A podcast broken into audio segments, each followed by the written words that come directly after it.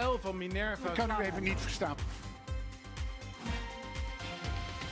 Meer of minder Marokkanen? Over my dead body. Mensen willen gewoon oplossingen voor problemen. Oh, je gaat iets helemaal mis. Dus achter de voordeur komen, eh, heropvoedingskampen. Carolien, Het is tijd voor nieuw leiderschap. Vrijheden inperken, moeten we nu doen. Weg ermee. Goedenavond, het is vrijdagavond, 9 uur. En eh, op dit moment geen chips, nootjes en bier. Want tot aan de verkiezingen nemen we u aan de hand. Want wat moet u toch weer stemmen dit keer? Dit is dus schermtijd voor politieke partijen. En als eerste twee gasten heb ik één iemand die in de Kamer zit... en daar heel graag wil blijven. En één iemand die ooit in de Kamer zat... en daar zo graag weer naartoe terug wil. Van Code Oranje, Richard de Mos. En van Splinter, Femke Merel van Kote Arissen. De leukste naam om uit te spreken. Leuk dat je er bent. Ja. Ik zeg nog even wie er naast me zit. Want dat is Bart Nijman. de kanarie in de kamer. De kanarie in de kamer. Dat is beter dan de olifant. Maar goed, leuk dat jullie er zijn. eh Femke Merel, laten we gelijk met de eh, deur in huis vallen. Is het haalbaar? Ja, tuurlijk. Ja? Ja, anders was ik er nooit aan begonnen. Nee? Nee. Het lijkt me wel lastig. Met als één Het is- zetel. Nou, het is, het is eh, niet zo heel lastig, want ik heb natuurlijk al wat dingen bereikt. En mensen kennen mij daardoor al. Ja, de zorgbonus, eh, die eh, maar liefst 2,2 miljard eh, los heeft gekregen uit de staatskrant. Ah, je hebt ons zo... Als een Wat soort deel zou-. Die optelsom zou ik niet te hard benadrukken misschien. Voor Nee, nee. Ik weet het. Ik ben er best wel trots op, want welke partij is dat nou gelukt? Eh, hè? Dus eh, ook geen grote partij. Dus 2,2 miljard, gewoon zo boem. Gewoon dus extra, geen uh, kasschuif of zo, maar echt gewoon extra naar de zorgmedewerkers. ja, daar ben ik wel trots op. Eh, en ik heb natuurlijk in de parlementaire ondervragingscommissie kinderopvang eh, opvangtoeslag gezeten. Ja. En ik heb het, eh, mede het rapport Ongekend Onrecht geschreven, waarop Rutte 3 is gevallen. Eh, dus ja, Het is niet dat je niks bereikt hebt, je. Nee, nee, nee. Dus, dat, dus daar ben ik wel heel erg trots op. En eh, ja, het is ook echt mijn roeping om voor de kwetsbaren in de samenleving op te komen. Ehm, en dat zijn er inmiddels nog wel wat. Dus dat wil ik gaan voortzetten. Ja. Oké, nou, in ieder geval alvast succes. Daar gaan we het er nog uitgebreid over hebben. Richard, is het haalbaar, code oranje? Je Ja, het is ook zeker niet altijd de schijn mee, hè? Nee, maar dat is ook eh, waar gehakt wordt vallen Spaanders. En eh, ik ben natuurlijk een eh, politicus eh, wat niet met milde mond praat eh, en dan recht op zijn doel afgaat. Ja, en de ombudspolitiek die ik natuurlijk in Den Haag al enige tijd bedrijf, is daar heel succesvol. Eh, de grootste partij eh, al, al lange tijd. En we hebben nu een netwerk van heel veel eh, lokale partijen, tientallen door het hele land heen. Ehm, ja, en we zien overal waar we komen. We gaan ondanks corona het land in. Dat mensen eh laaiend enthousiast zijn. En dat mensen die ombudspolitiek eh, van onderaf politiek bedrijven heel erg waarderen. En we worden al eh, gepeld op een, op een zetel. en dan weer even niet. Maar op een goede dag gaan wij twee tot drie zetels zeker halen. Ja, ja, ja, twee tot drie zetels zelfs. want je wordt nu gepeild op een goede dag op één. Ja, maar we hebben die ene al gehad. En in de andere peilingen staan we al wat langer op 1, 1 2. Ehm, maar wij gaan dat zeker halen. We hebben ook een hele goede kandidatenlijst die heel eh, gebalanceerd is met eh, mensen die met eh, hun poten in de modder staan. Peter Plasman natuurlijk op nummer 2, Ruud Kornstra, energiecommissaris op, op, op nummer 4. Dus we hebben Tania Hoogwerf, goed raadslid uit Rotterdam, op nummer 3. Dus we hebben een goede lijst. En we hebben heel veel lokalo's. We hebben van de 20 kieskringen waar we overal meedoen. We doen in alle kieskringen mee, ook op de Bovenwindse eilanden. Dat is knap. daar gaan wij eh, eh, eh, heel veel scoren, want wij hebben op iedere kieslijst op nummer 7 een lokale held. En dat is heel erg belangrijk om juist die lokale problemen, die landelijk opgelost moeten worden, eh, om die in de Kamer eindelijk eens een keer te gaan laten horen. Oké, dus je hebt er ook een vol vertrouwen in. Jij hebt het nou dat je niet in de Kamer zit en daardoor ook minder aandacht krijgt. Hè? Er, er worden minder snel een microfoon onder je neus ges- geschoven. Toch op het eh, blik van aandacht. Kijk, het moet niet Calimero zijn, je moet geloven in het eigen verhaal. Ik denk dat wij als, eh, als nieuwe beweging veel aandacht eh, hebben gecreëerd al. Maar ook vooral eh, aandacht in regionale pers, eh, met regionale eh, problemen. Morgen ga ik bijvoorbeeld weer naar Overijssel toe, ga ik daar op campagne. Gaat Tubantia de hele dag mee en die gaat dan ook kijken van wat voor soort politiek bedrijven we nu. En dat doen we al weken, maanden in het hele land. En daar halen we ook regionaal pers bij. Dus het hoeft niet altijd de mainstream media te zijn. En via de social media kanalen zijn we ook zeer zichtbaar. En we hebben gewoon een goed verhaal te vertellen. En daar moet het om gaan. Eh, en daar bereiken we heel veel mensen politieke bij. partij. Hè? Ze hebben allemaal een heel goed verhaal, Ja, maar je valt de baas, baas boven baas. Bij jou duren de verhalen soms wat langer, maar het is een goed verhaal. Het is Dat altijd een stevig verhaal. Dat is eh, zeker weten, Tom. Wat is de overeenkomst tussen jullie twee? Maar als ik zo vrij mag zijn, denk ik dat wij eh, allebei eh, eh, vooral de burger wat meer aan het woord willen laten. Als ik Ja, die directe democratie. Ja. Ja, absoluut. En hoe zien jullie dat voor je, Remke? Eh, nou ja, vooral door eh, eh, de expertise uit de samenleving op te halen. En dat, dat ik denk dat dat wat anders is dan eh, hoe Richard het zou eh, doen of doet. Eh, want we hebben natuurlijk het digitale eh, platform, de fractiekamer.nl. Dus eh, het is wel echt een wonder dat dat nog beschikbaar was. Maar Kun je heel kort uitleggen wat dat nou precies is? ja, ehm, nou, bijvoorbeeld het verkiezingsprogramma waar ik echt eh, veel te lang over gedaan heb... en wat inmiddels eh 100, bla 100 bladzijden eh, lang is, zonder opmaak. Dus echt alleen maar tekst. Ehm, dus dat wordt nog wat. Maar, dus ik heb dat ehm, grotendeels ook in de, in de fractiekamer gezet. En eh, mensen konden daar echt eh, eh, dus, ja, een maand lang allerlei input op geven. eh, en eh, ik heb daar ook vaak op gereageerd. En, eh, dus het is Maar neem je dat dan mee werk. in je plannen? Ga je dan Ja. aanpassen? Ja, dus dat heb ik ook al schrijvende heb ik dingen aangepast en toegevoegd. En ik heb ook mensen gevraagd, bijvoorbeeld een arts, om naar het eh, gezondheidshoofdstuk te kijken. En ik heb gevraagd naar de privacy-expert om naar de privacy-hoofdstuk te kijken. En een boswachter om mee te kijken naar het, naar Maar het hoe- in hoeverre is het op een gegeven moment nog je eigen plan? En ga je iets eh, aanpassen omdat een expert dat zegt? Wil jij Nee, misschien ik moet- ik moet het er "Hmm, ideologisch echt- wil ik wat anders? Ja, nee, ik, heb, eh, ik, ik zit natuurlijk al een tijdje in de politiek. Ook eh, dus regionale politiek heb ik, dus provinciale statenlid geweest. maar ik ben ook commissielid geweest in de gemeenteraad van Utrecht. Ehm, en ik ben al vier jaar Kamerlid geweest. Ehm, en het voordeel van nou ja, een splintertje zijn is dat je ook overal en bijna aan alle debatten meedoet. Dat wil zeggen, als je, als je taak serieus neemt. Dus dan heb je heel veel expertise. Eh, Zei ik iets geks? Nee. Ja. Nee, maar wij denken aan dezelfde persoon. Ja, oké, ja, precies. Maar, Ehm, maar, maar, maar maar- dus sorry dat ik het zeg, maar de Ja? vraag was oorspronkelijk... je gaat met mensen praten, je, Ja. hebt, je hebt je eigen ideologische Ja, ideeën. ja, absoluut. gaan experts of zogenaamde experts gaan erop reageren. In hoeverre eh, bijt het dan met je ideologische plan? Denk je van ja, eigenlijk is, wil ik het zo. Maar Ja, deze het- meneer het- zegt, dat is niet zo handig. Nou als, het, als het er niet in past. Hè, we hebben ook dus partijbeginselen. Dus eh, persoonlijke verantwoordelijkheid, persoonlijke vrijheid, eh, mededogen, duurzaamheid. En maar ook dat de plannen niet ingaan bijvoorbeeld tegen mensenrechten en kinderrechten. dat snap ik. Ehm, dus als het daar niet in past, dan, dan Nee, maar past ga het er maar niet om. in. Jij hebt een plan. Ja. Jij legt het voor aan de expert X. Ja. Expert X zegt, nou, dit is niet haalbaar. Ja. En jij denkt, ja, maar dit is wat, mijn, wat ik ideologisch wil. In hoeverre... ga- Nou ja, het moet, het moet natuurlijk wel. ik bedoel, je mag best een stip op de horizon zetten. eh, maar het moet uiteindelijk wel haalbaar zijn. Ja, dus, dus het is. Maar heb je nou dingen aangepast waar je denkt van, nou, dat had ik ideologisch anders voor me? Nee. Dat niet. Nee. Dus het blijft wel jouw programma. Ja, absoluut. Dus het is- het blijft ons programma, want er staan ook eh, mensen op de lijst, bijvoorbeeld een mantelouder. Eh, eh, en dus ook eh, industrieel ontwerper is aan de Ja, en een mevrouw die tegen stotteren En, werkt. En, ja, Nou ja, alles. Ja, Ja. dus, en een ondernemer die heel erg in de duurzaamheid zit en er echt zakenvrouw van het jaar is geworden. En weet je wel, er zitten echt gewoon goede mensen ook op de lijst die meedenken met het programma. En we willen allemaal dezelfde richting op. dat is Ehm, fijn. Maar is het nog dire- directe democratie? Ja, dat denk ik wel. Ehm, want op het platform eh, geef je dan aan van, nou ja, dit, dit, is, dit is de route, dit is het programma, geef je input.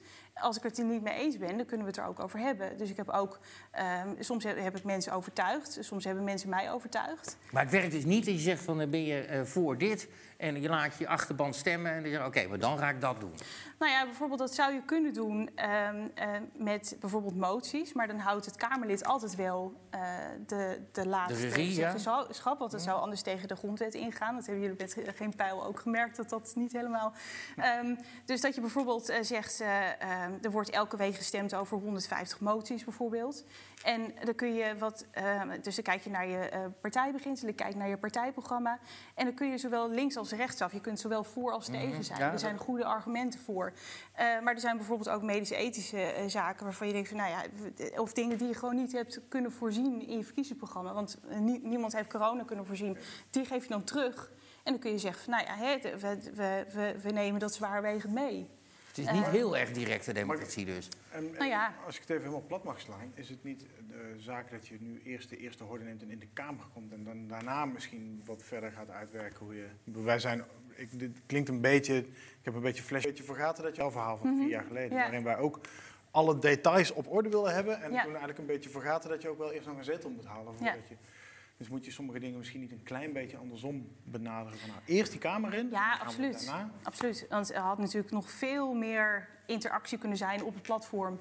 Dus we hebben het gelanceerd van nou zo, zo ziet het eruit. Je kan alvast meepraten over het, over, het concept partijprogramma dat ik s'nachts uh, na mijn debatten zit te schrijven.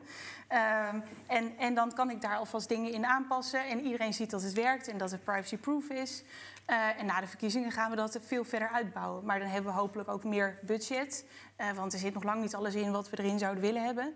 Uh, dus dat wordt op een gegeven moment ook nog uitgebouwd. Ja. Richard, als jij dit zo hoort, hoor je dan directe democratie? Of? Nou ja, het, uh, het vasthouden aan een ideologie uh, uh, dan wat minder. Ik hoor wel heel veel herkenbare dingen die wij ook hebben. wij hebben drie doelen. Het eerste doel is die directe democratie gaan brengen. Met het ultieme doel bindend referendum. Maar goed, daar is natuurlijk een grondwetwijziging voor nodig. Maar, maar dat ja, Verraak heeft in de eerste termijn de eh, beweging. Ja, Zeker. Ben ik ook van harte voor, hoor. Eerste goede stap. En je, daarbij hoort natuurlijk de gekozen burgemeester, eh, maar ook de burgertoppen, burgerbegrotingen, eh, burgerjuries.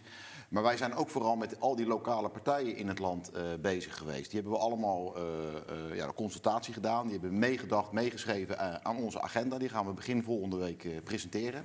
En die hebben we gepresenteerd volgende week eh, op basis van eh, elf speerpunten die we hebben. We willen niet een Ja. dichtgetimmerd eh, verkiezingsprogramma hebben. We willen echt de basis 11. Daar gaan we ons de komende tijd eh, druk over maken in de Tweede Kamer. Bovenaan de vrijheid van meningsuiting. Bovenaan de vrijheid van meningsuiting. Paul staan voor de rechtsstaat. Peter Plasman, die daar natuurlijk de kenner is. En daar hebben we elf punten van. Die hebben we uitgewerkt in de agenda die we dus begin volgende week eh, presenteren. Met daarbij een Doemee-app. Vanaf volgende week kan iedereen eh, via die Doemee-app meedenken over onze agenda. En die agenda ook nog sturen eh, tot, eh, tot en met begin maart. En dan hebben we de definitieve agenda waar we mee de Kamer in hopen te komen. Dus dat zijn dan die drie doelen. Directe democratie, de lokale politiek een vuist geven landelijk. En dat is nodig. Kijk maar naar de tekorten die op gemeenteniveau ja, plaatsvinden. 2 tot 3 miljard euro per jaar komen gemeentes tekort. We hebben natuurlijk de decentralisatie die volledig mislukt is. Ja. Dat zegt ook het Sociaal Cultureel Planbureau. Ja, het is alles. keihard eh, waar de, de lokalo's mee te kampen krijgen. Jeugdzorg die mislukt is, eh, ouderenzorg, eh, de participatiewet. Het zijn allemaal dingen waar we lokaal niet uitkomen. Nou, en de lokale kenners zitten aan tafel. hè. Ik zit zelf natuurlijk in de Haagse gemeenteraad. We hebben hele delen van Leefbaar Rotterdam. Maar zo hebben we in het hele land tientallen eh, lokale partijen die, eh, die die zorgen. En dichtbij politiek noem ik dat ook. Het voorzieningenniveau wat uitgehold wordt. Ja, en als gemeenten tekort komen, dan kunnen ze een aantal dingen doen. Dan kunnen ze of gaan bezuinigen, waardoor de voorzieningen nog verder achteruit hollen. Of ze gaan de lokale lasten eh, verhogen. Of in het ergste geval, en dat gebeurt in heel veel gemeenten, ze doen het allebei.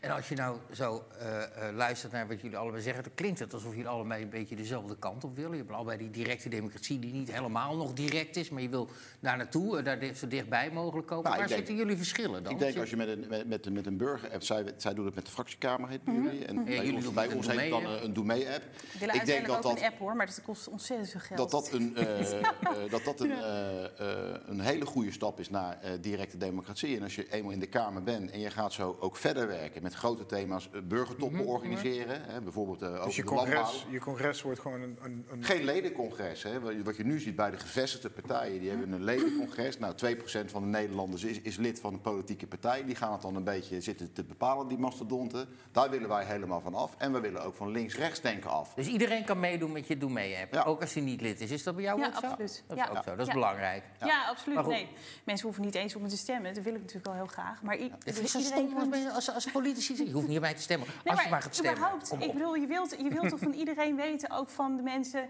Kijk, als je uiteindelijk Kamerlid bent, dan ben je ook eh, niet alleen maar vertegenwoordiger van je achterban... of de mensen die, die op je gestemd hebben. Dan moet je ehm, eh, volksvertegenwoordiger zijn in het algemeen belang. Ja, maar jij, hecht heel erg waarde aan dat woord echt volksvertegenwoordiger. Ja. Rechtstreeks Ja, vertegenwoordiger. Absoluut. Ik wil even kijken naar of er wat verschillen tussen jullie zitten. Want jullie, het lijkt nu alsof jullie al eigenlijk, eigenlijk kunnen gaan fuseren. Nee. Nee. Oh nee, nou waarom zou je dat niet willen? Nee, nee, nee. nee, nee. Kijk, ook zelfs het, dit, bijvoorbeeld zo'n kieswijzer... ehm, ja, dan zie je toch dat we, dat we toch heel erg ver Ja, uit waar verschillen jullie op? zijn toch wel... Inclusiviteit misschien, klimaat? Ja, dat denk ik wel. Want eh, ik, eh, ik heb me niet heel erg verdiept in code oranje, maar ik geloof Ja, dat jullie eh, toch best wel anti-klimaatakkoorden zijn. Nee, ik denk het niet, want wij hebben op, eh, wel anti-klimaatakkoorden, omdat wij vinden dat die akkoorden niks eh, helpen. Eh, die akkoorden kosten heel Ja, veel is een geld. stok achter de deur. Eh, nee, maar ja, een stok achter de deur en daar miljarden aan eh, eh, investeren vinden wij een onverstandige beslissing. Wij geloven wel in de energietransitie. Neem nou Ja. bijvoorbeeld de windmolens. Dat is op land een heel groot probleem. En wij geloven in burgerparticipatie. Heel veel burgers willen die windmolens niet. Landschapsvervuiling, eh, eh, nou, eh, slag, eh, Slagschaduw. slagschaduw, dat soort dingen. Maar Kijk maar naar, naar, naar, naar advocaat van de duivel, dan zeg je, dan zeg je ja, oké, burgers willen dat misschien niet, maar we hebben die dingen wel nodig om, om die verandering te Nou, bewerken. daar was ik net mee bezig. Oh. Eh, als, je nou, als je nou kijkt hoe je dat anders kan doen, daar hebben wij onze nummer 4, Ruud Kornstra, energiecommissaris, is toch. Wat is een energiecommissaris? ja, dat is iemand die op alle. eh, eh, ehm, En heeft hij ook een wapen? Hij heeft zeker een wapen. Hij, heeft, hij is ook bij de NVO zitten. Hij heeft een grote, grote achterban. En hij heeft eh, ervaring met, eh, met duurzaamheid. Dat is zijn eh, core business, is duurzaam zijn. En we hebben samen ook, ook plannen daarover gemaakt. Eh een van die plannen is geen windmolens meer op land. Maar geef nou eh, de huizen in Nederland allemaal zonnepanelen. Gewoon op de daken van de mensen heb je drie winstpunten. Geen landschapsvervuiling. Je doet de energietransitie. En je hebt voor de burger een lagere energierekening. Dat is verstandig duurzaam. Een van onze basispunten, eh basis 11 punten. Daar geloven wij in. Maar wij geloven niet in eh, maar aftikken en miljarden tikken eh, en die eh, klimaatakkoorden. En het gedram, daar zoals niet dat er in. nu Het is namelijk niet samen met de mensen. Nee, door Amazon een datacenter wordt gekocht die een energiecontract afsluit met. Eneco. En Ja. dat blijkt helemaal niet. dus eigenlijk, de, wij zetten die windmolens neer, dat verkopen we aan hun. Ze nemen het nog niet eens van ons af, maar het is een compensatie voor de troep die ze in Amerika Er verbruiken. er staan hier polders vol, vol met windmolens. Die lopen te draaien voor Google. Nou, Ja. En dan vinden het heel raar dat de burgers geen draagvlak hebben voor, voor duurzaamheid. Nee, dat- dus dat wij zeggen op een verstandige manier duurzaam. Geef burgers daarbij ook een Je stem. denkt, je denkt dat wel iedereen een zonnepaneel op zijn dak wil. Ja, want een, een zonnepaneel, als dat jou direct in je portemonnee scheelt... dan staan mensen rijen dik. Nou, het, moet, het, moet direct wel bij de burger voelen van... hé, hey, als ik dit zonnepaneeltje neem, wat geen landschapsvervuiling is... Ja. dan ga ik er financieel op vooruit. Dan is het ook buitengewoon interessant voor Ja. mensen om, eh, om, om zulke... eh, Dan maar geen mooi rieten dak.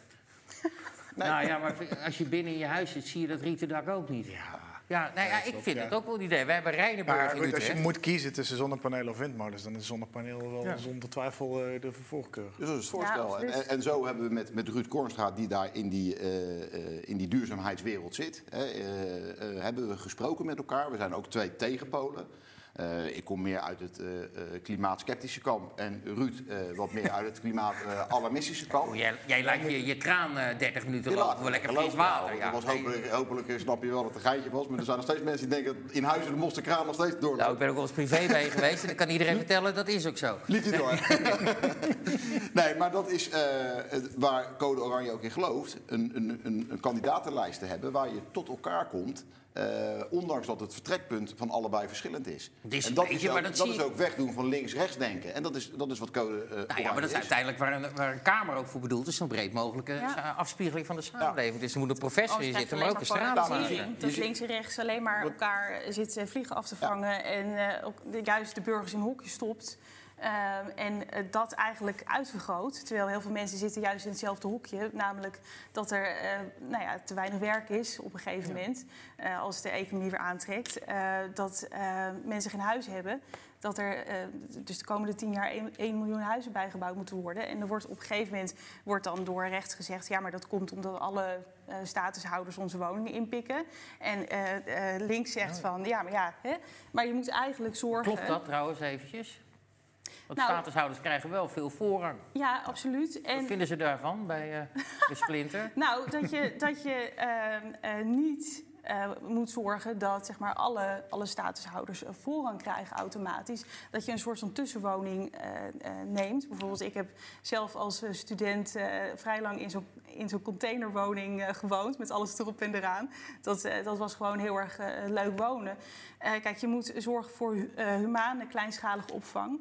Eh, en als iemand een statushouder is, dan... eh, kijk, we hebben gewoon een heel groot woningtekort. En je kunt niet eindeloos blijven zeggen dat eh, statushouders voorrang hebben...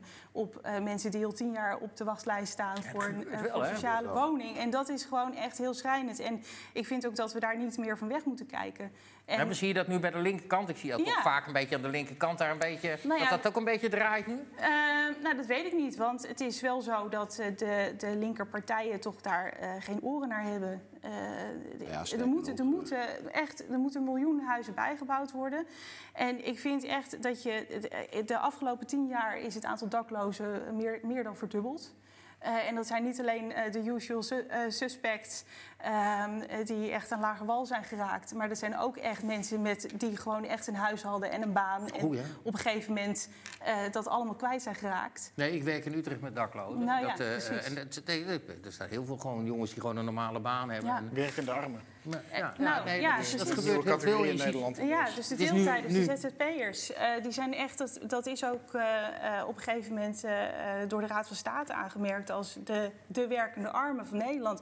Ne- Nederland is, is echt koploper in Maar- het aantal deeltijdwerkers, Even- ZZP'ers. En dus ja, dus daar, daar moeten we echt iets aan doen. En we moeten niet mensen in een hokje gaan plaatsen van, oh ja, het is, het is jouw schuld dat ik geen woning heb. Of oh ja, het is jouw schuld dat ik geen werk heb, want ik word gediscrimineerd. Omdat ik. eh, de- je moet, je moet ehm, als overheid en ook als, als Kamer. eh, moet je de verantwoordelijkheid nemen om de zaken op te lossen.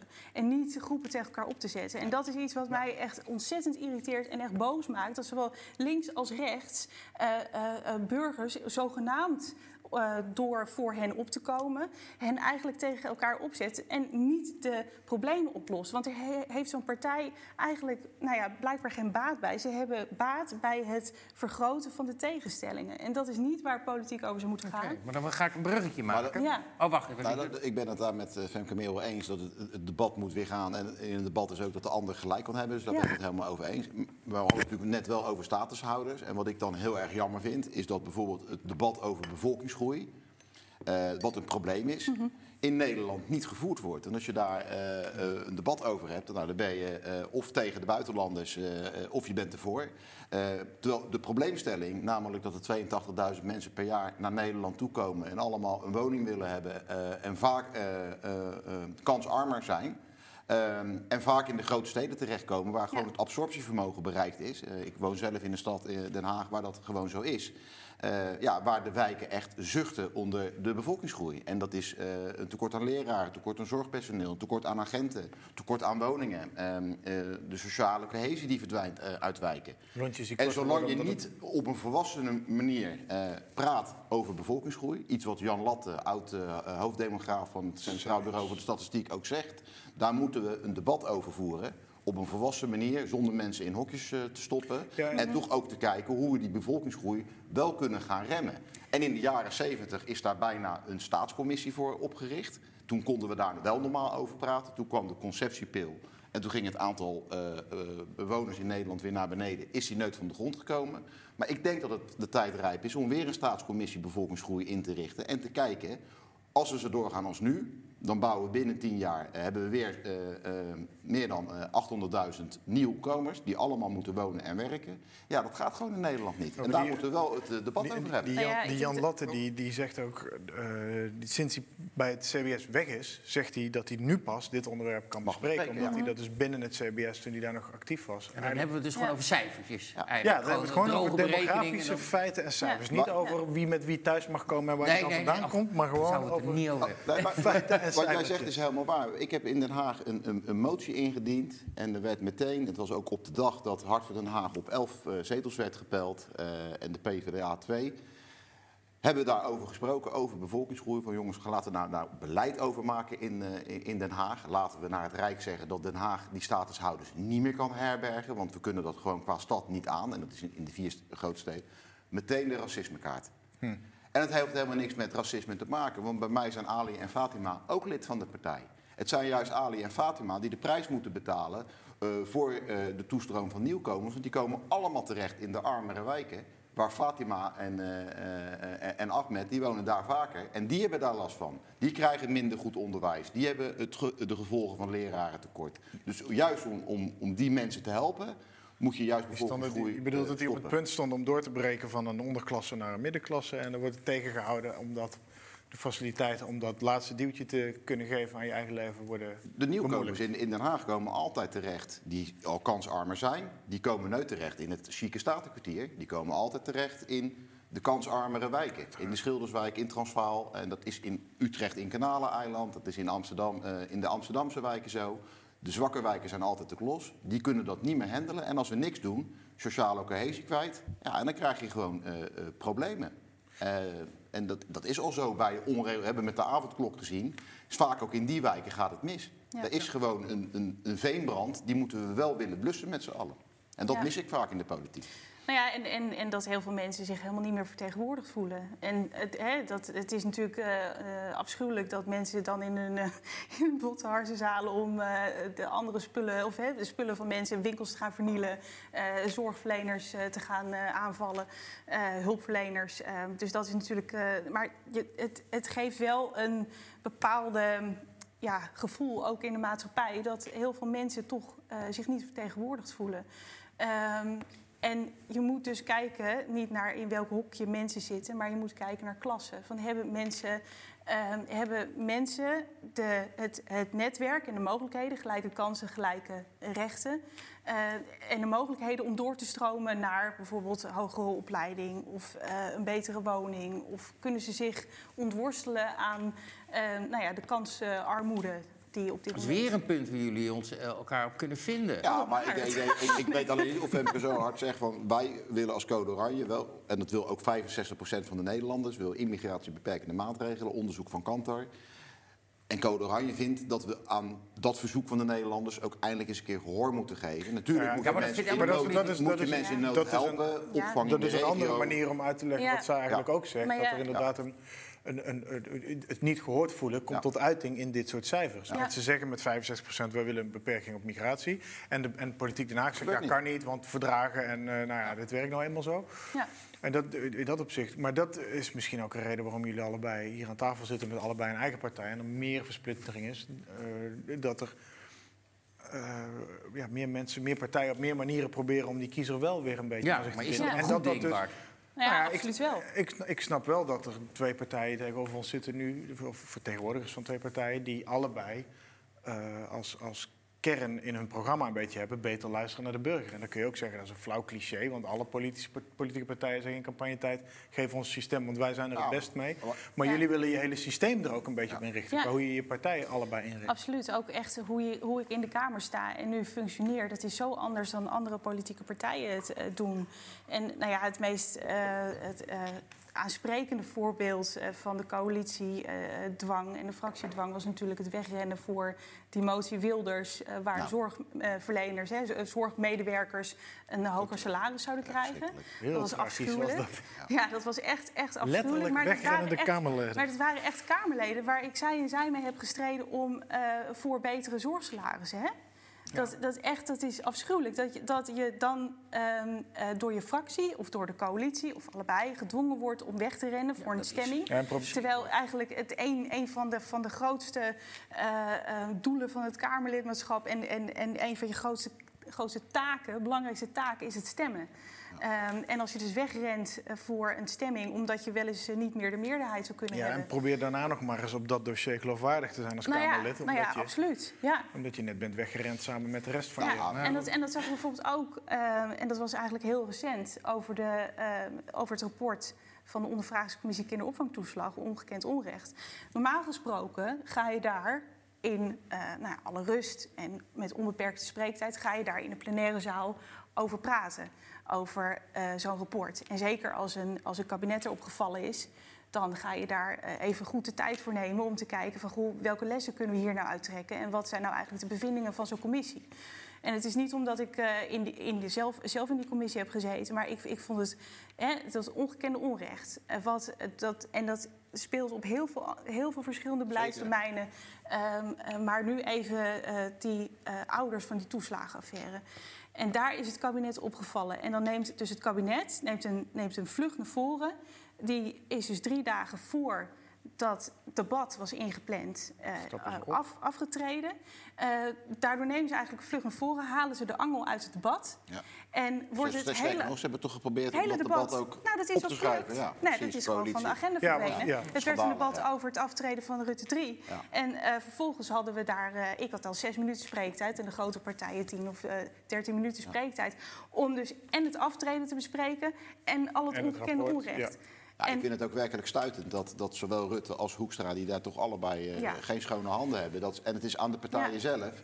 Maar ik hoop dat de Nederlander wel ziet, want Femke zegt is helemaal waar... maar dat ze dus inderdaad die Ja. vlucht naar voren Dat is- nemen... en niet willen praten over falen, waar Dat, gewoon dat, is mensen... dus, dat zie je met die over. Dit, dit, volgens mij heeft dit een haakje met, met participerende, hoe jullie partijen willen inrichten. Dat eh, je toch ook wel ziet dat de- in de media is er veel aandacht geweest. Wij als mediamensen hebben natuurlijk ook veel gelezen over die toeslagaffaire. Ook steeds meer in meegetrokken in dat verhaal. Ja. Dat zag je bij Pieter Omtzigt ook heel sterk gebeuren. Dat hij er steeds persoonlijker bij betrokken leek te raken. Ja, Ook op basis van het werk van Renske Leijten, die dus de daadwerkelijke verhalen had geschreven. Maar nadat dat, dat rapport naar buiten komt, in coronatijd, is de reactie van een meerderheid, lijkt het te zijn, afhankelijk van welke nieuwsmedium je gevolgd hebt, maar bij de NOS onder andere, waren er vooral veel mensen die zeiden, ja, maar corona is belangrijker en kunnen we nu even niet hebben en laat maar lekker zitten en hier hoef je niet om af te treden. Ja, maar zo wordt ook wel de marketing daarop ingericht. Hè. We kunnen natuurlijk van Rutte heel, heel, heel veel zeggen, maar de marketing om de man heen, die is perfect. Ik heb nog nooit iemand Ja, maar dit is- gaat niet- dit is- gaat niet over is de man. Mijn punt- onzin mijn punt is dat een beetje- demissionair eh, kabinet niet meer over corona kan praten. Ja. Dan vind je dat we het er niet over kunnen praten? Jawel, absoluut Ja, wel. dat doen Eh, toch ook? Maar niet eh, zulke vergaande, eh, ingrijpende beslissingen nemen als een avondklok. Dat lijkt me nou niet echt... eh, Hoezo? Die is Ja, gewoon het- voorgehouden aan de Kamer.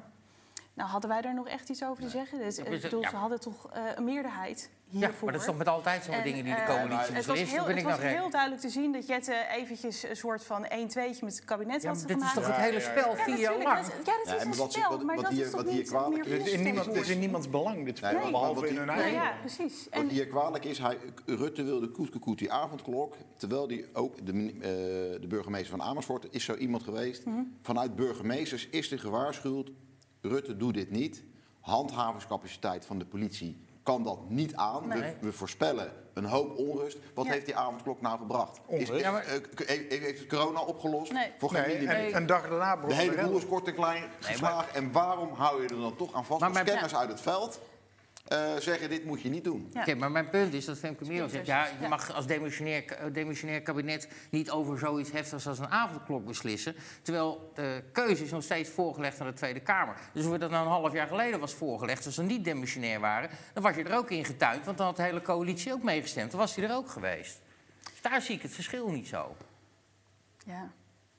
Nou ja, je kan je wel afvragen of een kabinet in demissionaire status inderdaad deze, dit besluit had mogen nemen, omdat het nogal vrijheidsinperkend De Kamer is. heeft en geen beslissen? directe oplossing.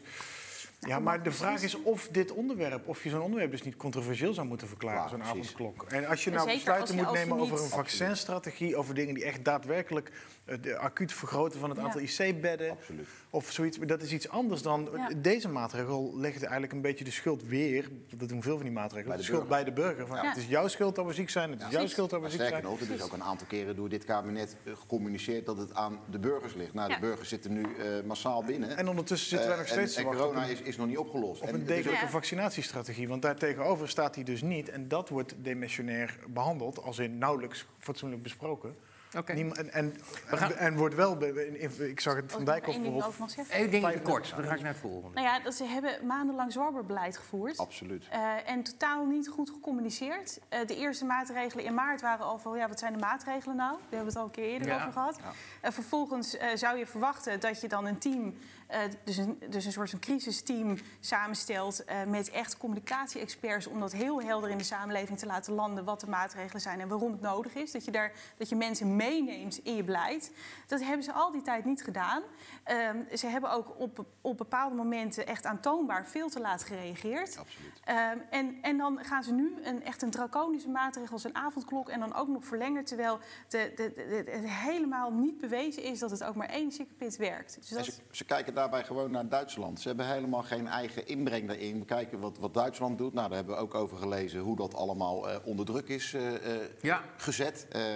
Extra, angst eh, Ja, de en samenleving Het, het, ingegooid. het ja. werkt niet. Ja. We zijn, een- we zijn dus, eh, onze sociaal-economische schade die is gigantisch. Eh, eh, mensen lopen gewoon eh, tegen problemen aan. Eh, eh, maar vooral ook de economie. Straks een bloedbad aan, aan faillissementen. Nou ja, goed dat je het Eh, gelijk aansnijdt, waarom Richard. geen eh, eh, eh, lock-in eh, en kwetsbare mensen beschermen. En alsjeblieft eh, het sociaal-economische leven weer opengooien. Want we zijn een partij schade aan het aanrichten. Wat we Heel- de komende jaren niet meer eh, eh, goed Ik kan me er in heel veel dingen heel erg vinden. Hè. En het, is een, het is zeker bij de oppositie natuurlijk een verhaal wat je meer hoort. Hè. Gooi die kroegen open, die economie moet weer gaan draaien. Maar ehm, wat de heren, en ik ben benieuwd wat jullie daarvan vinden...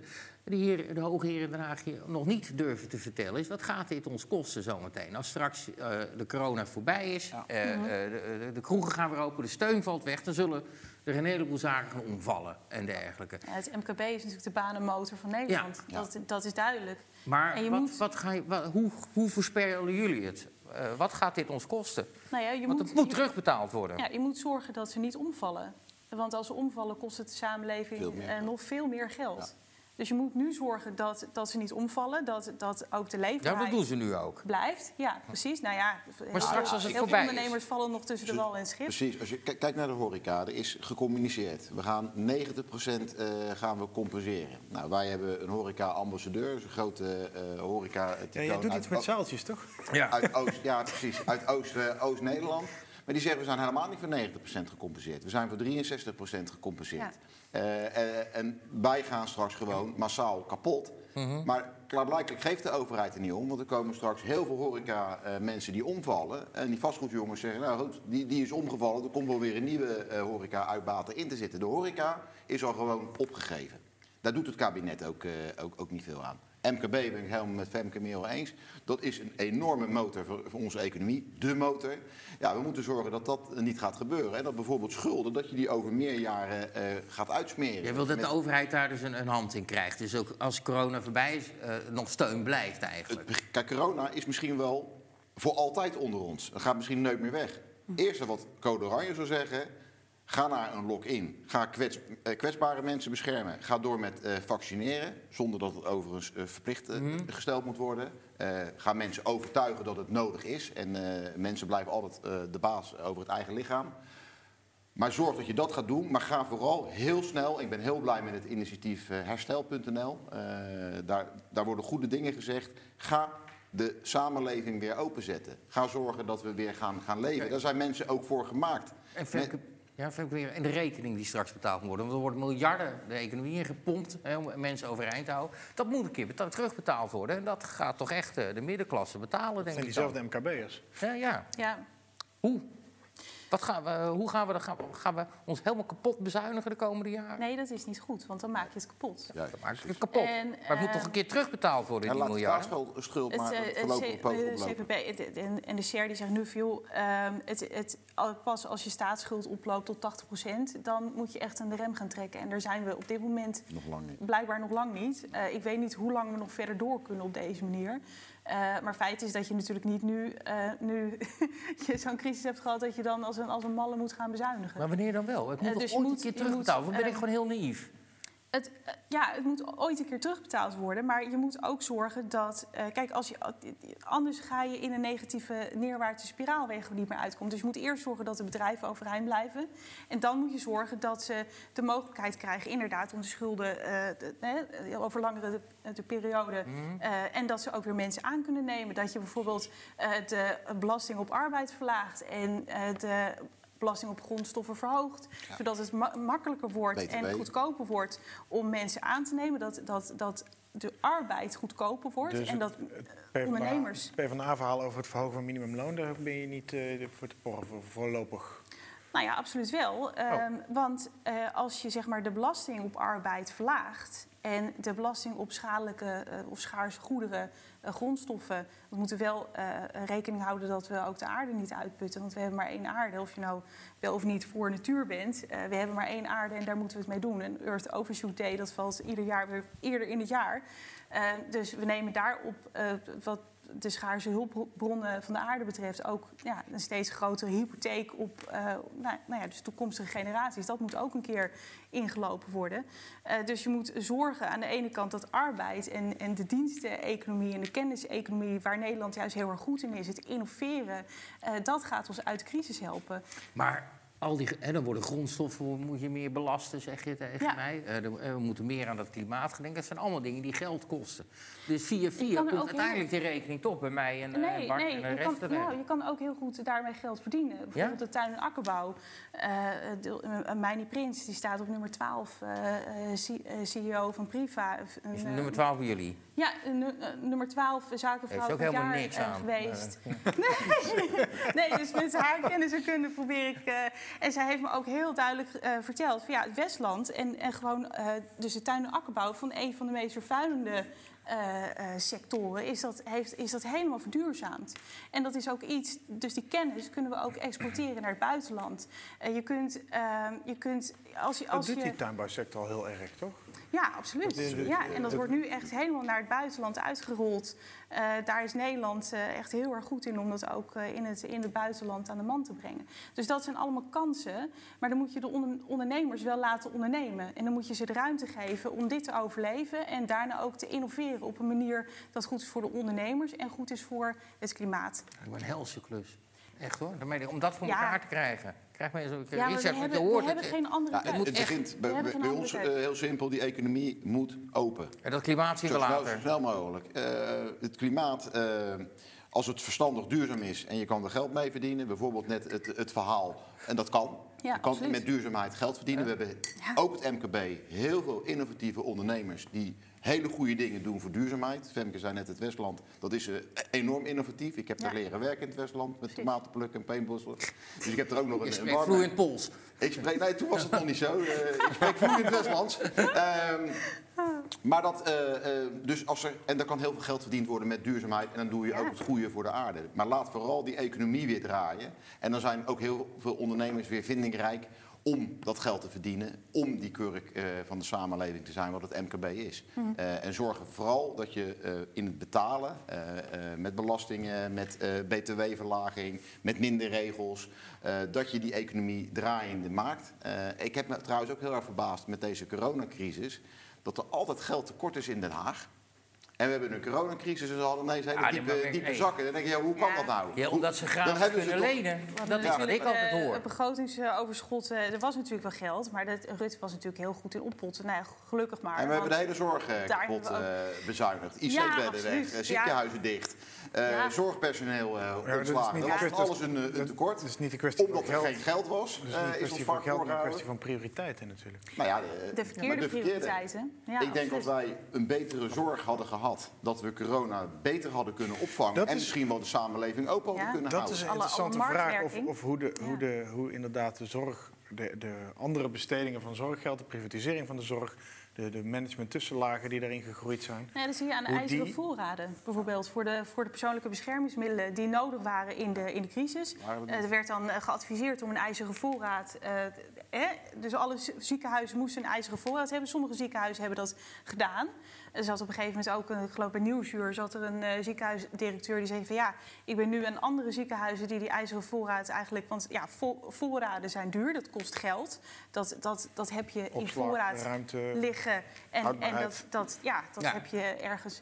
En Geld moet rollen. ja, dus, dus als je alles privatiseert en ook een van je meest vitale sectoren, de zorg, dan loop je het risico dat zo'n ziekenhuisdirecteur denkt van ja, dat is duur, dat ga ik niet doen. Ja, maar ook, En dat is hartstikke dom. En daar zou je als overheid, en dat gaat gelukkig nu ook gebeuren, dat er, dat, dat soort dingen weer, wel weer naar de overheid toe worden getrokken. Maar de zorg is zo kapot eh, gedecentraliseerd en eh, ja, dus kapot bezuinigd. Absoluut. Ehm, dat eh, Hu- Hugo de Jonge, die zat op een gegeven moment in een kerstinterview, dat was na, na het zingen, denk ik, dat hij kerstliederen aan het zingen was.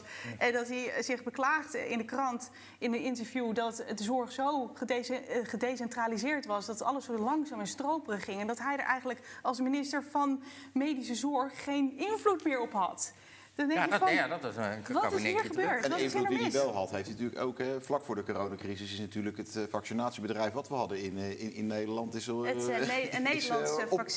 Vaccininstituut. ja, Goed, in, eh, even naar een ander onderwerp.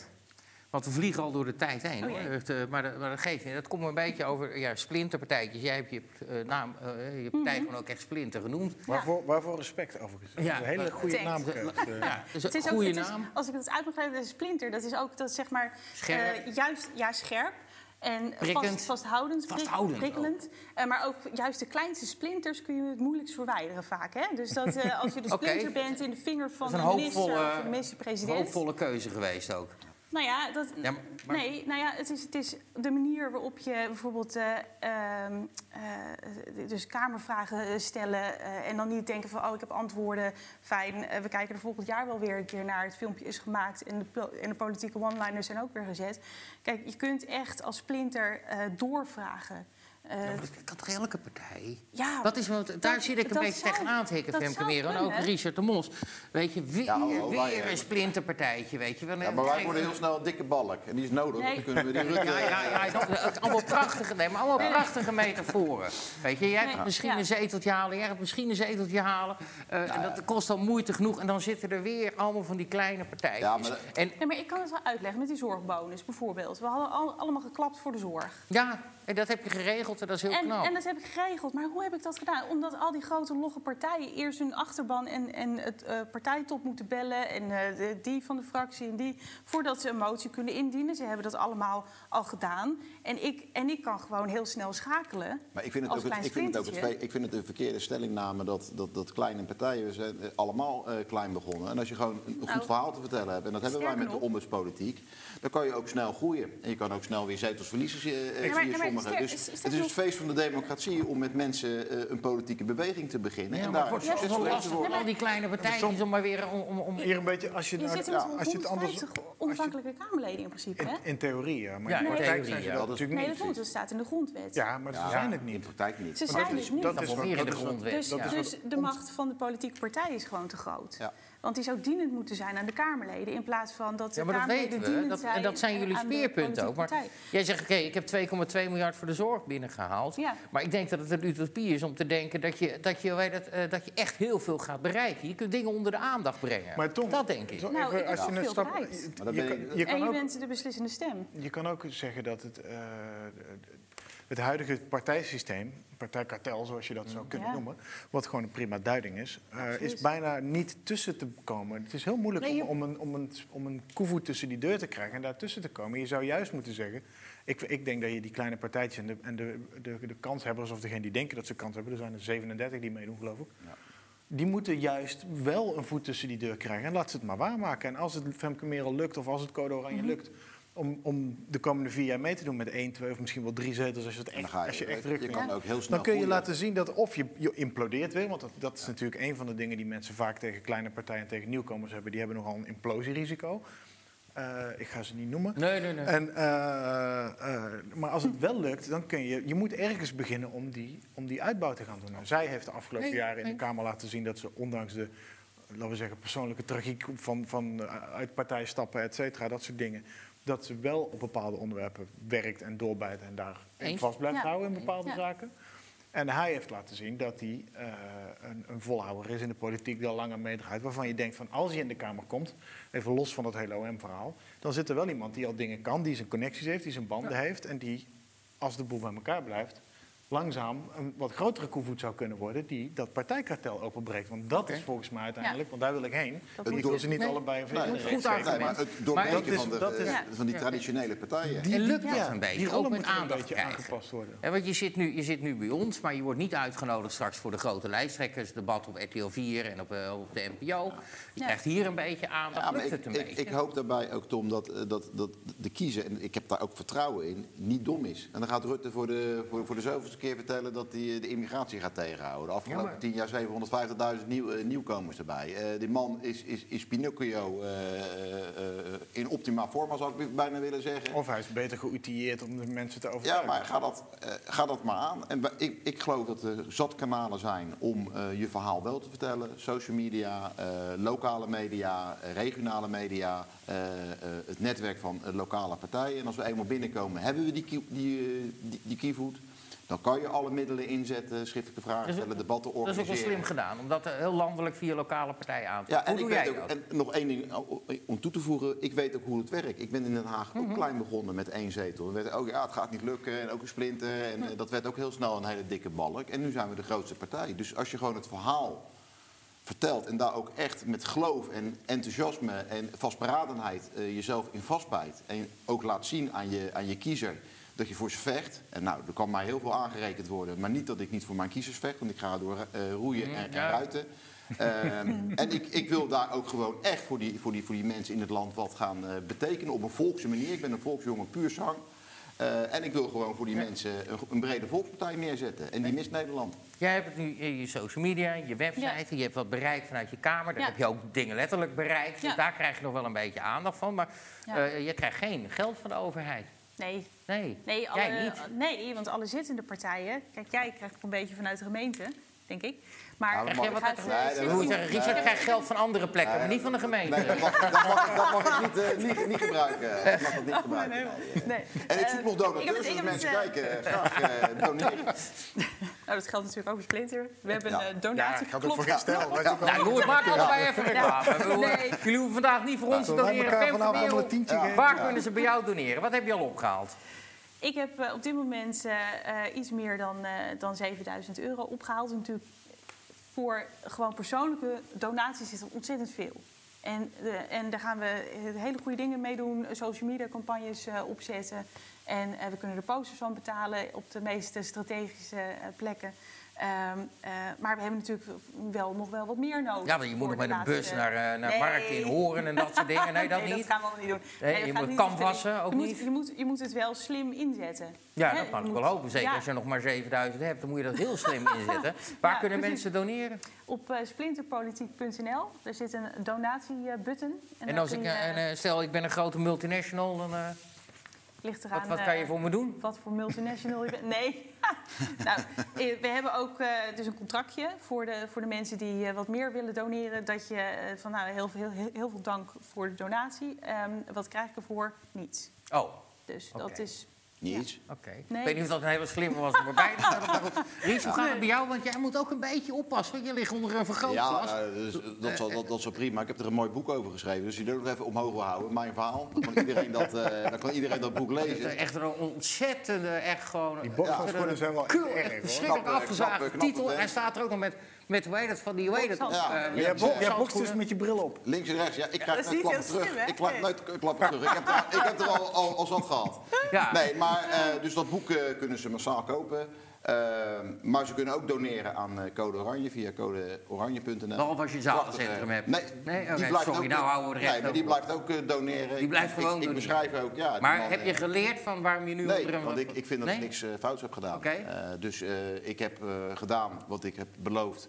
Ik heb gedaan wat ik in mijn verkiezingsprogramma heb gezet. En dat heb ik gerealiseerd. Opkomen voor de MKB'er. Opkomen voor de horeca. En dat heb ik in Den Haag gedaan. En daar heb ik heel veel donaties mee opgehaald. Ja, en dat ga ik nu weer doen. Ik ga opkomen voor de MKB. eh, en opkomen voor, voor Nederland. Opkomen voor mijn kiezers. En als mensen zeggen, hé, hey, dat opkomen en die vechtjas, die, die, de mos, die gaat voor me knokken. Ja, dan moet je vooral doneren dat we in de Kamer komen. En dan kan ook, eh, je kan ook een tikje krijgen. Zit iemand naast je te trappelen om wat te zeggen? Ja. Nou, Ja, dat ze toch ook wat gaat doen ervoor. Het probleem is dat eh, de zittende partijen, die, ik heb het even opgezocht, die krijgen dus 16,5 miljoen per jaar aan subsidie. zittende partijen. 16,5 miljoen. Jij zit toch ook, Ja, omdat dus jij bent afgesteld, stelt het Krijg niet? ik niet. Nee, Oké. nee, Nee, het gaat om niet. ledenaantallen, toch? Eh, eh, ja, en we hebben op, zi- op dit moment ook geen leden. We hebben natuurlijk, en dat is pas als je zittend bent en een bepaald aantal leden hebt. Als je, zittende, als je al gekozen bent, dan krijg je een keer subsidie. Maar Want dat Henk is natuurlijk een kreeg- hele perverse prikkel. Dat als je een nieuwe partij, hoe, waar haal je geld vandaan? Dus dan moet je inderdaad crowdfunding dit is weer op gaan zo'n verhaal zetten. over- En dus als je dat helemaal eerlijk en transparant wil doen... eh, eigenlijk wordt het een beetje in de hand gewerkt. Dat, eh, waar ik helemaal geen waardeoordeel heb. Maar ik, ik zelf vind dat het allemaal heel transparant moet zijn. En dat iedereen heel duidelijk moet weten dat ze er niets voor terugkrijgen. Alleen maar heel veel dank en... eh, Ah, om daar heel even nog kort op, op Maar door te gaan. Dat, is dus niet, dat is wel een Ja. gevaar. Ik zit midden in iemands Het- verhaal, Het, wordt, Lies. het, Oh, wordt, het wordt aangewakkerd doordat andere partijen zoveel subsidie krijgen. En dus de kleine nieuwe partijtjes eigenlijk geen mogelijkheid hebben om Ja, door dat- te breken. In, en dat is eigenlijk ook niet democratisch, niet in het belang van de democratie. Dat, dat er zo'n groot heeft- verschil zit. Dat heeft Forum voor Democratie dan wel weer heel goed en heel slim gedaan. Gewoon inzet op leden, leden, leden, leden. Om vervolgens, En met het verhaal ook van hoe meer wij er hebben, hoe minder geld zij krijgen. En Ja. dat is, Ja, dat, dat alleen al was een goed motief voor mensen om lid te worden. Want dan haal je toch een beetje weg bij de kartelpartijen. Ja, in de hoop dat het op een andere manier beter besteed wordt. Maar het geld komt wel. Je moet eerst in de carousel voordat je er een, eh, Ja. met het centenbakje mag eh, rammelen. Goed, Ja. Maar- lid worden kunnen ze nu ook al. hè. Bij Code Oranje kan je gewoon lid worden. En Ja, dat maar gaat dan krijg je- heel, heel goed. Dus dan, eh, dan Ja, Oké, je, dus dan betaal, wat be- betaal je om lid te worden bij Code dat Oranje? mag je zelf kiezen. Dus we hebben mensen Want die dat eh, verschilt ook hogere bedragen per betalen. partij, Mensen die wat eh, minder te besteden hebben, we, hebben we ook graag als, als lid. Oh, zo gaat dat natuurlijk. de PvdA ook, ja. Maar wat ik.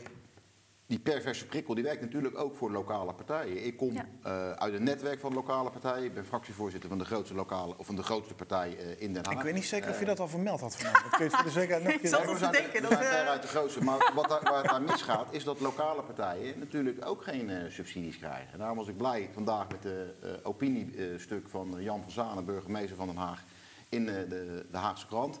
Daar heeft hij gezegd Ja. dat lokale partijen ook gewoon subsidie moeten krijgen. Want we krijgen altijd, lokale partijen halen hun centjes op. Ja, cliëntelisme, maar waar halen we anders ons, ons geld op? Eh, Ja, landelijke partijen krijgen daar eh, gewoon subsidies voor. En Ja. lokale Ja. partijen moeten concurreren met landelijke partijen. Ja. En dan wordt, wordt er, eh, ik, ik heb dat boek gepresenteerd, eh, het, boek van de mos.nl. Maar dan kan je op een gegeven moment, het boek van de mos.nl. Maar dan kan je op, op een gegeven moment. Kan ik nog wat van leren. pak het AD. Het. AD pakt het dan over en het zegt, oh, die de Mos heeft 80.000 euro opgehaald. Dan zaten ze nog 20.000 euro te laag, want ik heb een ton opgehaald. Eh, maar de- daar, als je dan kijkt wat landelijke partijen ophalen, de PvdA haalt 10 miljoen per jaar op. Ja, hoe komen die dan aan de centen? Het Daar heeft niemand het over. campagnebudget Ja, ja, ja, ja. van 2017, half miljoen voor 50 plus. Dan denk ik van, een half miljoen. Ja, oudere in mensen geen- in Nederland zitten op jaar. geld. Dat wil je niet weten. Ja, dat, dat, eh, dat, dan denk ik, jeetje, waar Hey. ga je het allemaal aan uitgeven? Het is echt... Het is, het is, het lastig dus. waarschijnlijk. Ja, ja, ja. En, en dan gaan we ook nog Ja. eens een keer stemmen, verdeeld over drie dagen, mensen. Waarvan we Ja. twee dagen lang met ook. Ja, met, we kunnen dus ook nog met de post stemmen. Ries, jij was daar Nou, ben- over, want de test was mislukt. En nou, Nou ja, ik ben- eist Richard de Mos. Nou, ik ben echt geschrokken. Er is gisteren eh, op advies van, ook van een uh, oudere organisatie in Den Haag... is er in Den Haag een, een proefstemming geweest. Mhm. En wat bleek, dat de helft van die stemmen ongeldig is. Ja. als je dat, Ja, dat is als je dat landelijk gaat vertalen... eh, op 2,7 miljoen eh, mensen die mogen poststemmen... ja, dan is dat nogal wat. En dan, eh, dan hebben we dus echt wel een probleem. Dus ik, ik mag toch hopen dat we eh, al lange tijd weten dat poststemmen eraan Zijn we komt. wel van Henk Krol af. Dat we niet hebben zitten landen van, nou ja, die, vooral die oudere mensen zitten bij Code Oranje goed. Hè. We willen onder andere het ziekenfonds terug, we willen de bejaardencentra terug hebben. Dus als oudere mensen kijken, ja, kijk je ja, naar de camera. noem Code je website Oranje. ook nog een keer. Hè? Ja, Code Oranje. alsof zij dat snappen. Maar ik maak me daar wel zorgen om. Dat dat dus misgaat voor een... We hebben Ja. allemaal het, het kiesrecht. Ja, en dat moet wel eens. beschermd Nou, worden. en dat moet gewoon goed geregeld Ja. zijn. En, en, en het ging fout op een envelop in een envelop doen. Ja. Wie, wie heeft dat bedacht? Ja. Dat Ja. dat moet. Het, het, moet toch zo simpel mogelijk. En er stond ook in het artikel, ik heb het ook even gelezen... dat, dat het inderdaad... ehm, en dan valt het ding weer van mijn schoot af. Geeft niks. Het is, allemaal, het is de eerste uiting, hè, dus dat mag allemaal. Ehm, ja, dat, dat, je moet het toch makkelijk maken voor mensen om te kunnen stemmen. Absoluut. En dat, dat mensen Nou, het ja. gevoel hebben dat ze het helemaal goed hebben gedaan. Ja, je stempelt je het in een envelop. Maar wie weet dat je het dan nog een keer in een, nog een envelop moet doen. Het is echt... Dus we gaan, Ja, we ja, gaan, we gaan stemmen over de, verdeeld over drie dagen. En op maandag en dinsdag wordt er de, eh, niet de uitslag geteld. Dus niet waarop gestemd. Dus wel de, of de hoeveelheid stempassen en, en met de stemformulieren overeenkomt. En dat gaat men dan op woensdagavond nog eh, met z'n allen tegelijk stemmen, eh, Ja. tellen. Dus dat, eh, we kunnen niet ons trucje doen, eh, Bart. Nee, klopt. Dat, Ja, we eh, moeten er ook maar op uit, vanuit gaan dat, eh, dat het goed gebeurt. En daar ga ik op zich wel vanuit. Maar dan moet het systeem wel eh, Nou ja, zo Ja, simpel mogelijk te laat zijn. komen. En ook de of- communicatie, hè? dat mensen echt Ja. precies weten als je post gaat stemmen, en dat zijn eh, eh, vaak oudere mensen, dat het op een goede manier gebeuren gaat. En dat, mensen, dat mensen, het kiesrecht is een groot recht in Nederland, dat, dat, dat, dat je stem ook echt. Eh, Ja, en dat dat dus niet, als je je stempas binnenkrijgt... en dat zouden ze ook volgens mij nog per leeftijdsgroep kunnen uitsplitsen... want dat weten ze heus wel bij de overheid. Ja, natuurlijk. Dat, dat, ja, maar dat als je boven een bepaalde leeftijd bent en je mag dat poststemmen... ik weet niet vanaf welke leeftijd het is. 70. Vanaf 70. 70 jaar. Ook heel Dat het gewoon in hele grote, dikke, vette letters bovenaan die brief staat. En niet ergens rechtsonder onder een asterixje met hele kleine letters. Van, by the way, als u niet durft vanwege corona. Nee, dat moet bovenaan Ja. staan. Nee. En dan moeten ze inderdaad geen eh, Ja. pas in een envelop, in een envelop, in een et cetera moeten doen. Maar dat moet gewoon heel simpel Hier is de retourenvelop. Vul maar in wat je stemt en eh, stuur hem maar terug. Daarom- dat, dat snapt iedereen wel, het antwoordkaartprincipe. Zeker mensen van die leeftijd. Maar dat Ja. hebben ze dus te ingewikkeld, lijken ze te Ik denk dat ingewikkeld gemaakt te hebben. En de vraag is of ze dat op zo'n korte termijn nog kunnen fixen. Nee. Nee. Of dat ze dan toch, want er zijn ook nog steeds stemmen die een beetje zo half mompelen van misschien moeten we die hele verkiezingen maar uitstellen. Of ze die gok nog durven nemen. Dat Dat- lijkt me, dat dat lijkt me, te ik- laat. dat lijkt me geen, tot geen goede 12 zaak. februari de tijd om dat te regelen. En het is, Dat is eh, vandaag. dat is vandaag. Maar De ik dag heb is vandaag nog- niks dus- gehoord. Dus, eh, Nee. Nog twee uur om de verkiezingen te Ja, de verkiezingen moeten Dames en doorgaan. twee heren, we gaan alweer richting het einde. Ook hier eh, rammen we er toch even wat reaguurdersvragen in. Ik kan ik alleen hier niet op zien, dus als het goed is krijgt hij zo meteen op het scherm. En eh, ehm, kan ik ondertussen nog wel even aan jou, Femke, Merel, vragen. ehm, wat nou als het niet lukt? Ben je Wat dan nou teleurgesteld? Ben je boos? ik ben natuurlijk hartstikke teleurgesteld. Maar wat ga je dan doen? Dan, eh, dan ga ik me vanuit de lokale politiek omhoog vechten. Ja? Dat, eh, dat schijnt Want lukken. Richard ging Dus, acht jaar geleden ook zo'n beetje de kamer uit. En, eh, ja, weet Ja. haal jij het wel. Dan Ja. ben je vier jaar lang eh, van mij, jongen, elke dinsdag. Ja. Ja, Kijk er helemaal naar uit. eh, ja. We hebben eigenlijk weer iemand met humor in de kamer. Wacht even, ik heb van reaguurder goed verstaander. Eh, en ik ga even kijken, deze is voor Splinter. Ik lees niets in het verkiezingsprogramma over immigratie... afgezien van hoe Ja. LHBT en de rest van het alfabet... inderdaad asielzoekers moeten worden behandeld. Klopt Ja. dat? Dat klopt. Als het goed is, staat het nu online. Oh, Want ik, heb het, ik heb het vanmiddag inderdaad eh, afgemaakt. En. Ja, maar goed, jij, hebt een soort glazen bol. Jij wist al wat goed verstaandig. Nou, ik had al wat e-mailtjes gekregen, inderdaad. Eh, dus we krijgen eh, tientallen mailtjes per dag, eh, gelukkig. Dus, dat, dus er zijn wel heel veel mensen die ook naar aanleiding van de kieswijzer denken van... goh, Splinter, waar ja. staan ze eigenlijk voor? Ze staan bovenaan. Dat helpt maar- wel, hè? Ja, dat helpt enorm. Krijg je daar informatie over? Van, joh, zoveel mensen hebben je kieswijze gedaan en eh Nee. zoveel... Nee, dat niet. Nee, Nou, het- het nee was- maar... is- de- als Jij wel? Jij hebt dat weer geregeld ergens... Nou, nee, maar het was met, met die stemwijzer toen die van de week online ging, was het echt booming. Ook bij ons op de site. Ja. Omdat, Ja. ja. we hebben ze waarschijnlijk gewoon goed in- ingevuld. Want ze kwamen heel vaak bij code oranje uit. En dat zag je gewoon. Mensen komen toch kijken. Wat wou je zeggen, Bart? Nee, niks? Oké. Ik, ik, er was nog een vraag in ditzelfde blokje. Ja, dat, eh, ik weet wat hij bedoelt. Echt, eh, dat betekent dat we langzaam gaan afronden. Maar diezelfde vraag van net wil ik nog even terugzien, Boris. Ja, dank. Want er stond er nog eentje onder. Splinter is wars van identiteitspolitiek. Hoe Ja. kijk je tegen bijeen en omroep zwart aan? Ja, ja, dat is natuurlijk nu wel heel erg woke. En de identiteitspolitiek ten top. Ja, maar jij bent toch ook wel een beetje woke? Vind je? Nee. Soms wel. Waarom? Hoe dan? Nou, met je klimaat vind ik je wel heel erg Dat is iets anders dan woke, hè? Woke Is daar kun je toch ook woke in zijn? Woke is, woke is dat je, dat je, dat je zeg maar anderen de schuld geeft en groepen echt tegen elkaar opzet. Is dat woke? Oh, ja, ik dacht dat, dat dat je. Dat je het Dus extra, pas als je- extra goed wil doen. Zeg maar dat je, dat je mensen re- reduceert naar eh, huidskleur, eh, gender of, of eh, eh, dat- dat, soort... hè, dat je, dat dus je, ik dat je, het gewoon was dat je helemaal wakker was vanwege welk onderwerp dan ook. Dat je dan woke was. Ja, Maar, nee, nee, ja, het is een beetje overgewaaid Het uit de komt oorspronkelijk uit de. Amerikaanse burgerrechtenbeweging. Ja. Dan was je woke als je eenmaal door had welke ondergeschikte positie je als kleurling had. dat je ging, knielen voor, doen. eh, voor En dat een is nu inmiddels iets uitgebreid naar mensen die ook eh, anders geaard zijn, et cetera. Oké, maar klimaat Maar- zit er nog nee, niet tussen. Nee, tenzij, Oh, tenzij je het kan koppelen aan dat iemand gevlucht is en ongewild transgender werd halverwege de Middellandse Zee vanwege het klimaatverandering. Er er Dan is het misschien wel. En even voor dan- alle duidelijkheid, we zijn natuurlijk tegen alle vormen van discriminatie en racisme. En Maar dat dat soort hoeft dus niet zo doelgroep... Maar dat hoeft niet zo eh, ge- doelgroepgericht. Dat, dat, dat, dat, dat, dat hele van, eh, het, als je, doet, van je doet het nog niet goed genoeg, zeg maar. Je kan het nooit goed genoeg doen. Ja. En eh, echt eh, het, het op een voetstuk zetten van bepaalde groepen, eh, dus ten koste van een andere groep. Daar ben ik echt helemaal Dat zie je wel bij, bij één bijvoorbeeld bij Omroep Zwart. Ja. Niet dat Omroep Zwart meedoet, Nee, maar... maar... ik bedoel dat, dat, dat, dat ehm, eh, het, het, het, het oproepen van geweld en re- re- revolutie en terug naar bepaalde Zie sentimenten je dat bij van... bijeen, ja? Dat ze oproepen tot geweld? Nou, ik, ben, ik ben nee, geen maar- fan hoor van ze. Nee, maar... nee, nee, maar het, het- het- ik vind, ik vind, ik vind ehm, het, het, het opzetten van groepen tegenover elkaar. Je moet de verbinding zoeken en je moet oplossingen zoeken voor alle groepen overkoepelend. En niet zeggen van jongens.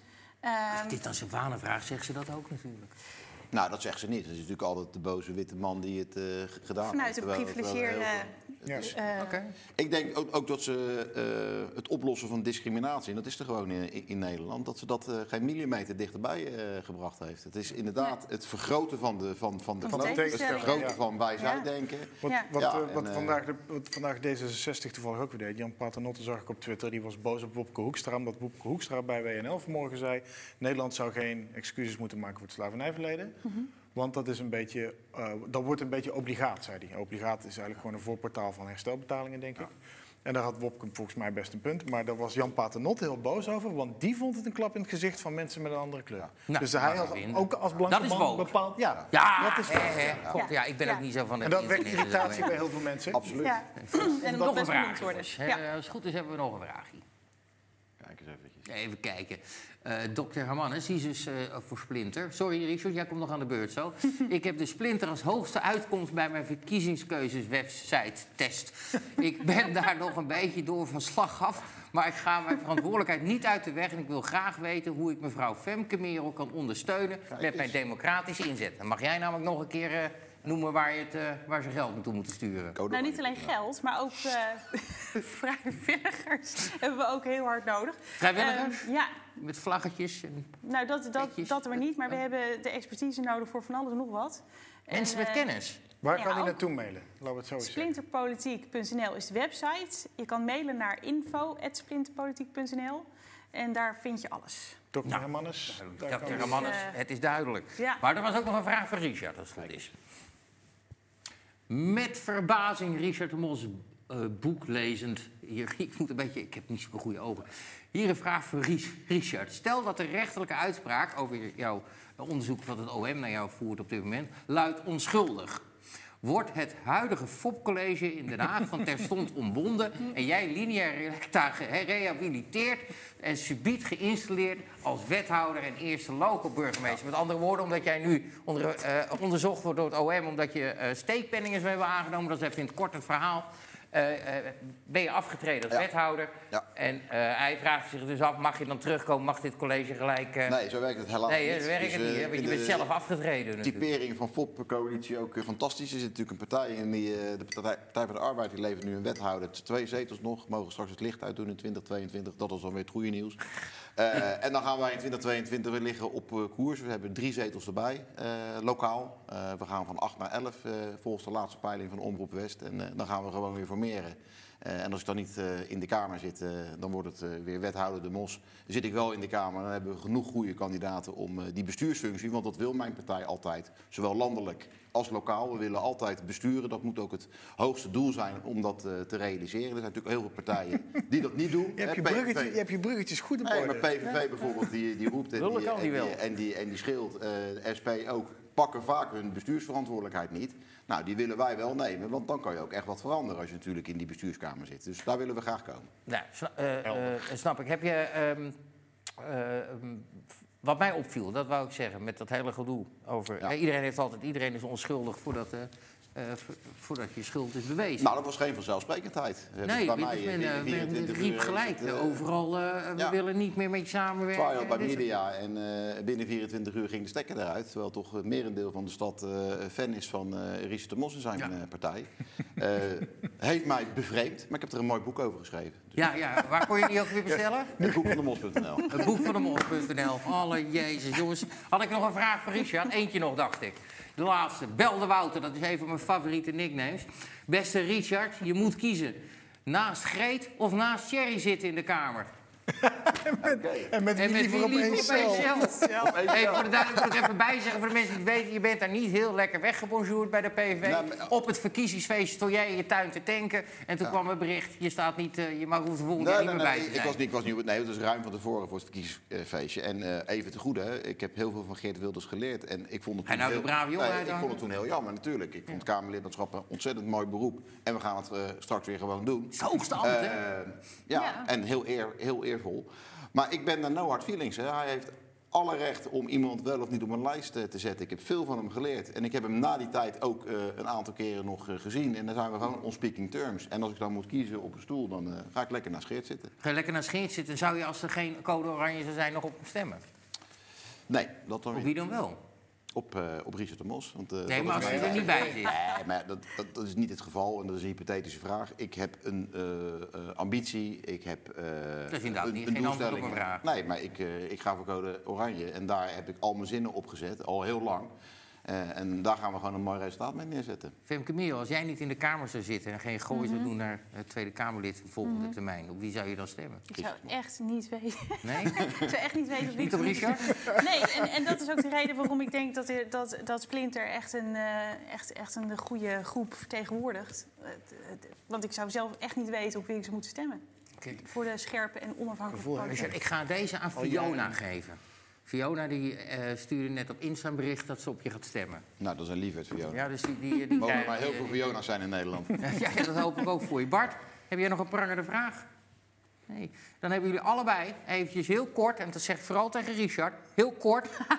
Mag je nu nog eventjes eh, dat wat je kwijt wil? Eh, je website eh, mag ook allemaal genoemd worden. Geef even in 30 seconden. Waarom moesten we ook alweer op Richard de Mol stemmen? Nou, lieve mensen, ombudspolitiek. Politiek waarin we doen wat we zeggen en, en voor u opkomen en Nederland een beetje beter gaan maken. Codeoranje.nl, 17 maart. Gewoon stemmen op de beste kandidatenlijst van Nederland. Zeer di- divers. Kijk eens op codeoranje.nl. En oh ja, ik heb ook nog een boek geschreven. Het boek van de Mos.nl. Fijne avond. Femke Merel, jij ook? Pak, eh, pak je moment. Volgens mij is dat je camera. Oh jee. Nou, scherp en on- onafhankelijk, dat is Splinter, lijst nummer 22. En eh, nou, kijk vooral op splinterpolitiek.nl. Waar kunnen we jouw boek bestellen? Ja, ik heb- ben eerst zo druk Onge- geweest met het schrijven van het... gratis eh, downloaden op. Ja, precies. dat was en het verkiezingsprogramma dat de komende, komend weekend echt helemaal online komt te staan. En dan, eh, daar heb ik ook eh, lang aan geschreven. Dus dat boek dat komt er misschien ooit nog eens, maar nu geen tijd. Is goed. Ik hoop oprecht dat jullie allebei het gaan halen. Want ik mag jullie allebei heel erg graag. Ik ga niet zeggen of ik op jullie ga stemmen of niet. Eh, eh, dat hou ik altijd geheim. Maar ik hoop jullie echt gewoon na 17 maart in eh, Den Haag sowieso elke dinsdag tegen te komen. Top. Bart, we zijn er volgende week weer. Ehm, even... wie, Tom? Ja, met wie is een goede vraag. Dit programmaatje voor elkaar krijgen, dat is nog best lastig, lieve mensen. We hebben een paar grote namen die hebben toegezegd. Waaronder Joost Eertmans, die komt ergens rond 12 februari uit mijn hoofd. Nee, kan ook 5 zijn. Dat is vandaag. Eh, maart. Hij staat al, hij staat al een poosje buiten. Dus, eh, Ja, ja. Eh, die, die, die We gaan nog een uur door met Joost Eertmans. eh, ik wil heel graag Klaas Dijkhoff hebben. Nou, die ga ik morgen gewoon persoonlijk even bellen. Geert Wilders heeft toegezegd om te komen. Nou, die schuift dus ook aan. Dus dat ziet er allemaal, eh, ziet er allemaal goed uit. Maar die weet nog niet op welke datum. En Pieter Omtzigt, die heeft slim gedaan. Die koos een datum zo dicht mogelijk tegen de verkiezingen aan. Dus voorlopig zijn we er nog op vrijdag, misschien op woensdag, misschien op donderdag. Maakt niet uit. Maar u gaat in ieder geval kijken. En het is in op om 9 uur. Tot de volgende, af, eh, ah, tot de volgende uitzending van Scherptijd voor Politieke Partijen. Dankjewel Bart. Dankjewel Richard. Dankjewel Femke Merel. Tot de volgende.